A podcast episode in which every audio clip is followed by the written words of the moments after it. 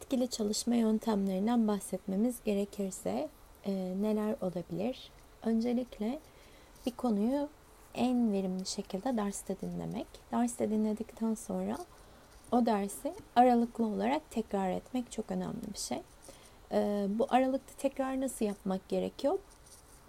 Önce zaten derste dinlediğimiz birazcık bildiğimiz bir konuyu e, güzel bir şekilde çalışmak, verimli ve detaylı bir şekilde. E, sonra aynı konuyu belirli aralıklarda tekrar etmek ama hani ilk çalışma kadar detaylı bir e, çalışma olmayabilir bu. Ama tabii bu sizin bilgi seviyenize ve konuyu anlamanıza bağlı olarak da değişebiliyor. İşte örneğin 3 günde bir, her hafta ya da 3 ay sonra şeklinde tekrarlara gidilebilir. Ee, burada mesela aralıklı tekrarda şu da yapılabilir. Örnek veriyorum 3 tane konu ilerledi.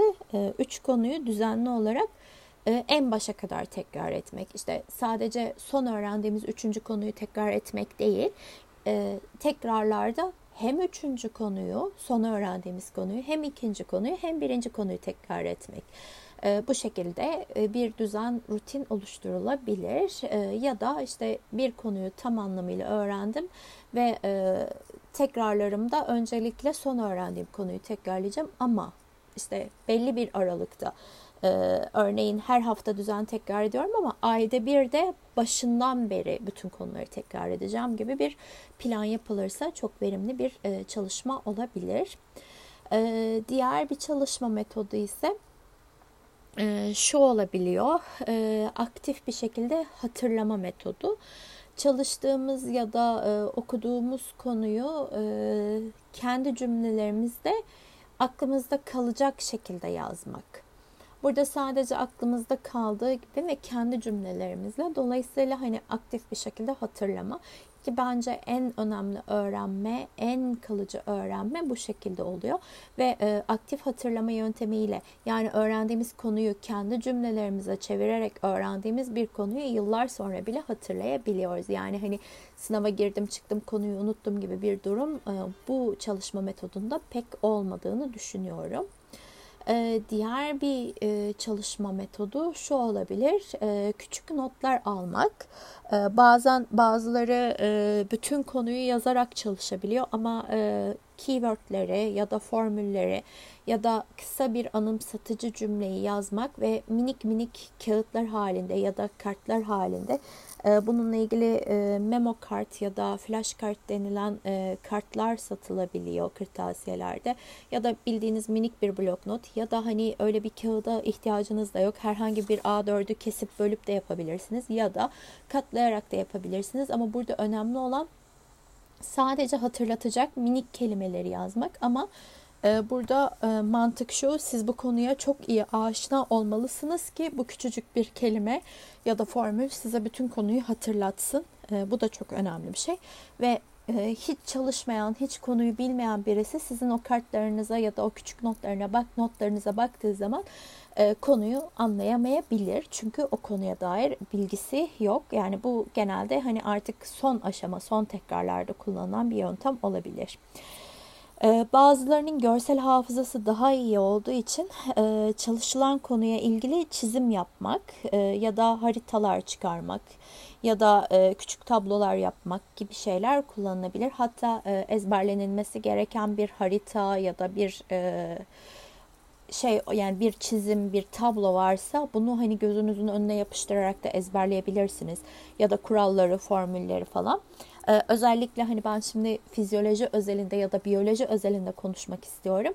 Ee, biyolojide çok fazla çizim var. İşte örneğin organları işliyorsunuz, sistemleri işliyorsunuz. Bunları çizmek gerçekten insana çok fayda sağlıyor. İşte kalbi öğreniyorsunuz ama kalbi elinizle çizmeniz de mühim bir şey. Tabi burada e, benim çizimim iyi değil, ben iyi çizemiyorum e, dememek gerekiyor. Burada hani kaba taslak bir çizim yani kimse sizden bir sanat eseri beklemiyor ama orada işte kalbin odacıklarını bilmeniz ya da işte kalbin yapısını bilmeniz e, için hani harika çizim yapmanıza gerek yok. Ufak tefek bir karalama da yeterli olacaktır. Ya da hücreyi öğreniyorsunuz. Bir hücre zarını kaba taslak çizebilmek önemli bir şey. Ee, diğer bir çalışma yöntemi için de şunu söyleyebilirim. Bütün yöntemleri aslında eş zamanlı çalışmak.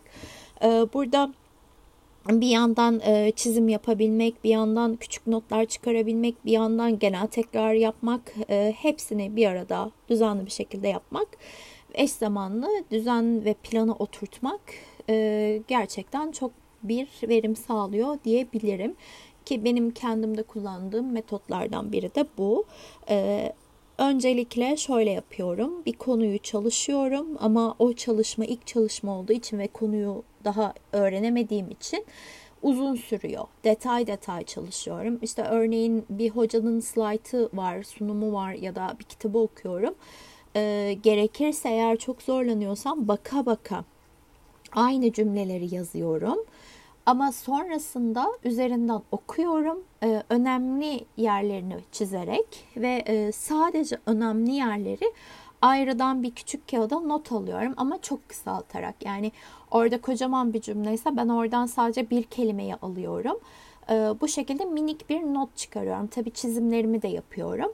Ee, en sonunda o küçük notlarımı alarak o kelimelere bakarak sadece anahtar kelimelere ya da formüllere bakarak kendi anlayacağım şekilde cümlelere dönüştürerek e, yazıyorum ve e, bunu okuyorum, sesli okuyorum ve anlatıyor gibi yapıyorum. İşte ben e, bu konuyu nasıl anlatırdım, e, nasıl ben bu konuyu aktarırdım gibi gibi düşünerek yapıyorum.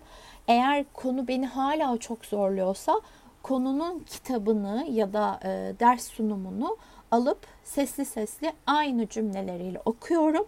Okuduktan sonra tamamen kapatıyorum ama sesli okumamdaki şey de burada e, biraz kafamın dağılmaması, sadece oraya odaklanmakla alakalı bir durum. E, bunu yaptıktan sonra da e, özetliyorum kendi cümlelerimle nasıl bir e, şey aklımda kaldı ona bakıyorum ve oradan analiz ediyorum. E, bunlar verimli çalışma yöntemleri diyebilirim e, ama tabii bu verim ya da etkili çalışma kişiden kişiye değişebilir. Ee, burada en önemli şey kendimizi iyi tanıyıp kendimize uygun çalışma metodunu bulmak. İşte örnek veriyorum ben yazarak çalışmayı, çizerek çalışmayı, renkli kalemlerle, renkli kağıtlarla çalışmayı seviyorum. Ee, ama herkeste aynı şey olmayabiliyor. Renkler bazı öğrencilerin e, dikkatini dağıtabiliyor.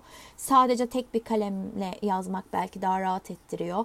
Ya da işte örnek veriyorum kırmızı, mor, mavi, siyah sürekli kalem değiştirmek dikkat dağıtabiliyor. Ee, burada sıkıntı yaşanabiliyor. Ee, burada en önemli şey kendinizi tanımanız.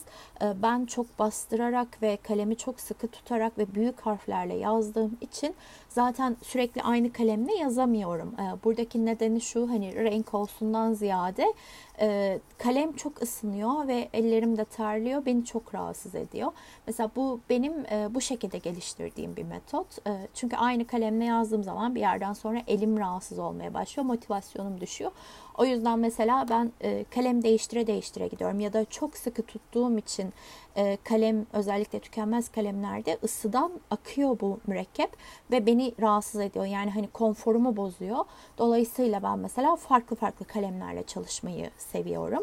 E, ama burada şu demek değil hani oradaki renklerle ezberliyorum diyemem. E, bazılarında ama e, renklerle ezberleyebiliyorlar. Mesela işte e, çok önemli şeyleri kırmızı yazıyor ya da işte çok aklında kalmayan şeyi başka renkle yazıyor gibi gibi e, işaretleme metotları kullanabiliyorlar. Bunları herkes kendisi geliştirebiliyor ya da kendimde yine uyguladığım bir şey söyleyeyim. Ee, okuduğum bir makalede özellikle e, fosforlu kalemle e, farklı renklerle farklı şeyleri boyuyorum. Ee, mesela işte makalenin ana fikrini pembeyle boyuyorsam makalenin deneysel metodunu maviyle boyuyorum. Ee, ya da makalenin içinde başka bir makaleye atıf varsa onları yeşille boyuyorum ki hani elimde dosyalarca makale varsa geri dönüp baktığım zaman kolay bir şekilde analiz edeyim diye. Ee, bunlar zamanla kendi kendime geliştirdiğim şeyler. Ee, bunları sizler de yapabilirsiniz ya da işte post-it koyup e, post-itlere notlar almak. Ee, ama burada da tabii hani çok e, uzun notlar almamak gerekiyor. Kısa ve basit notlar almak gerekiyor. Ee, ve kendi anlayacağınız bir şey. Yani hani kısa ve e, basit bir not alıp sonrasında aa bu neydi dememek de gerekiyor. O yüzden yine en önemli şey kendimizi bilmemiz ve kendimizi tanımamız. Her alanda olduğu gibi ders çalışmada da özellikle e, kendimizi bilip ona göre yol alırsak daha başarılı oluruz. E, hazır sınavlarda yaklaşmışken böyle bir e, etkili çalışmayı anlatmış olayım istedim. Herkese vizelerde başarılar diliyorum. Umarım sınavlarınız iyi geçer.